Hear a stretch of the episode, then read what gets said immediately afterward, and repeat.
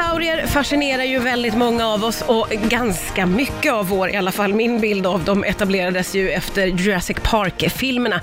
Men vad är det senaste när det handlar om dinosaurier? Det ska vi ta reda på nu. Välkommen hit säger jag till Vivi Vaida som är professor i paleontologi. Tack. Du, eh, jag förutsätter att du har sett Jurassic Park-filmerna. Ja, naturligtvis. Ja. Flera gånger. Ja, de är ju fantastiska. Eh, finns det något som stämmer från dem? Till exempel hur dinosaurierna ser ut i filmerna?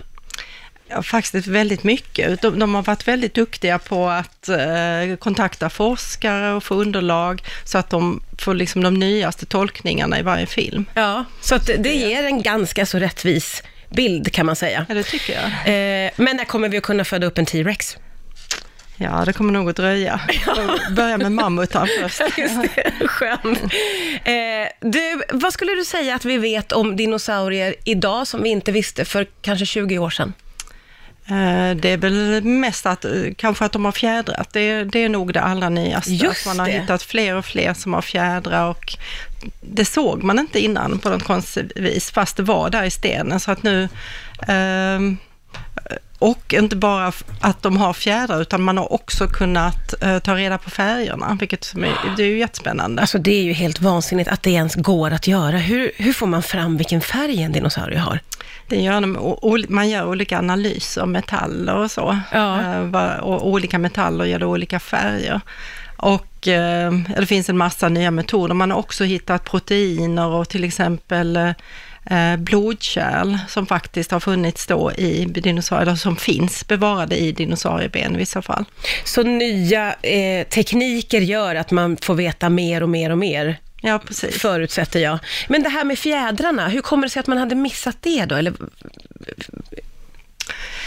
Ja, man, man tänkte väl helt enkelt, alltså man, man har ju grävt fram själva benen och slängt eh, stenen runt om, så var det nog. Man tittade kanske inte så himla noga, för att det är inte för att man tittar noga så ser man att det faktiskt finns fjädrar. Och när man hade hittat de första Ja. så började man gräva mer och mer och eh, just med avsikt att, att se det som är liksom runt om benen. Och man har ju hittat nya ställen. I Kina finns det en, en plats, Jehol, eh, där det finns vulkanisk aska som då har bevarat dinosaurierna. Och där har man gjort eh, väldigt många av de här fynden, så det är väldigt mycket från en plats. Okej, hur mycket har bevarats på den platsen? Är det hela skelett? Ja, ja, det är hela skelett, det är hela dinosauriefamiljer, eller vad man ska säga. Oj, oj, oj. Det, det är jättespännande. Finns det vissa sådana platser på jorden som är liksom dinosaurie-hotspots, eller vad man ska Ja, säga? ja, absolut. Vi har ju centrala Nordamerika, vi har helt fantastiska i Mongoliet, där jag var nyligen, och i Argentina såklart. Ja,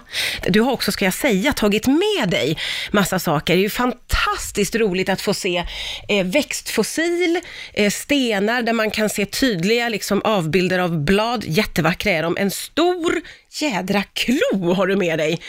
Eh, och eh, till och med dinosauriebajs i ett litet eh, glasrör här. Väldigt, väldigt eh, speciellt känns det ju att få hålla i de här sakerna.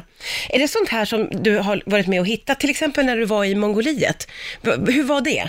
Alltså Mongoliet var vi med och tittade på deras dinosauriefabrik. De eh, har ju fantastiska eh, dinosaurier, riktiga dinosauriefossil då, men som de gör ehm, kopior av.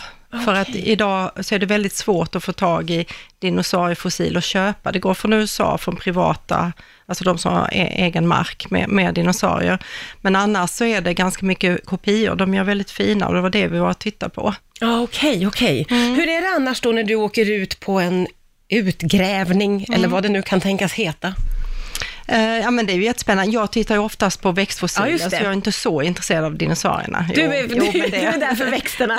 Ja, jag är där för växter och se vad dinosaurierna åt. Ja. För du får ju tänka dig att, att på varje rovdinosaurie som T-Rex så gick det ju minst sex stycken stora eh, växtätare. Just det. Och det var ju de här som sauropoder och också den här allra största Argentinosaurus som man hittade eh, ett år sedan eller så. Ja. Och du kan ju tänka att de måste ju ätit tonvis med växter varje dag. Ja. Så att eh, det är ju ganska intressant. Och, Hur mycket skilde sig, vet man det, växtligheten? Vi pratar om ungefär 200 miljoner år sedan, Ja, precis. gissar jag. Eh, hur skilde sig växtligheten då och nu då? Oh, det, det, var mer, det var mer växter, det var högre koldioxidhalt i atmosfären och till en viss eh, gräns så funkar, fungerar det ju bra om det inte blir liksom för eh, varmt så att det sen blir ökenliknande ja. förhållanden. Men, så det var större växter, ehm, många växtgrupper som inte finns idag. De dog ju ut när asteroiden uh, föll ner, den som sl ja, slog ner då dinosaurien också ja. dog ut.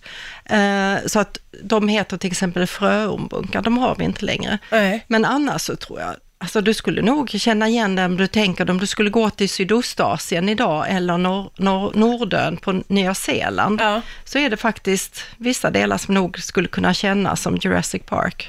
Oh, det är häftigt bara att tänka den mm. tanken. Vad säger de växterna om dinosaurierna då? Eh, de säger, ja vad säger de? Eh, det är där jag använder dinosauriebajset, det förstenade. Oh. Då gör man tunna skivor som man tittar i mikroskop och så kan man se eh, om det är benbitar i eller om det är växtbitar och man kan faktiskt se vilken, vilka växter det är ibland för man hittar själva bladen och det finns väldigt fina mönster på bladen som är eh, speciella och olika för varje växtgrupp. Ja. Så man kan faktiskt se, se vad de åt. Eh, det är så himla spännande och det är ju också spännande tycker jag, eh, detta med hur, man, hur det är som ett eh, stort pussel som ska läggas samman och hur otroligt mycket som ska liksom kluras ut och teorier som ska vägas mot varandra. Jag fattar att det är spännande men kan det också vara frustrerande? Jo, men det är klart. Eh, ibland så är man så helt säker på att men jag kan liksom i mikroskopet se att det förändras i det ena provet eh, jämfört med det andra då. Liksom. Ja. Så, Gud, här händer det jättemycket.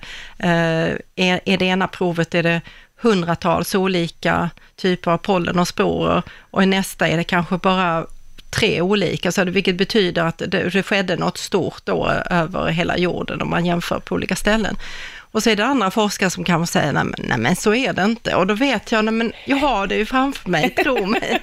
Så det, och, då, och då behöver man jobba i flera som verifierar att det faktiskt stämmer eller inte. Och så. Ja. Mm, så det, kan... eh, det här med att vi sa ju det innan, att det finns eh, några lite så här hotspots för dinosaurier. Mm. Hur var det i eh, Skandinavien? Eh, det var det är jättespännande, så att Sverige var ju låg ungefär där Spanien ligger idag, men sen var det ju mycket varmare globalt, så höga eh, havsnivåer. Ja. Eh, och så man kan säga att det var som en tropisk trä, eh, inte trädgård, jo det också, men ja. också en skärgård. Ja, ja, ja. ja. ja okay. Och eh, det fanns dinosaurier och Eh, det vi hittar mest dock är, eftersom vi har kalksten, så är det sten som har avsatts i områden som var hav då, så att varma hav som Bahamas idag kanske. Okay. Och där hittar vi en mängd olika fossil, men inte då så mycket dinosaurier, enstaka benbitar, men annars är det väldigt mycket tänder från de man, man kan säga motsvarigheten till dinosaurierna, fast de som levde i havet. Okej. Okay.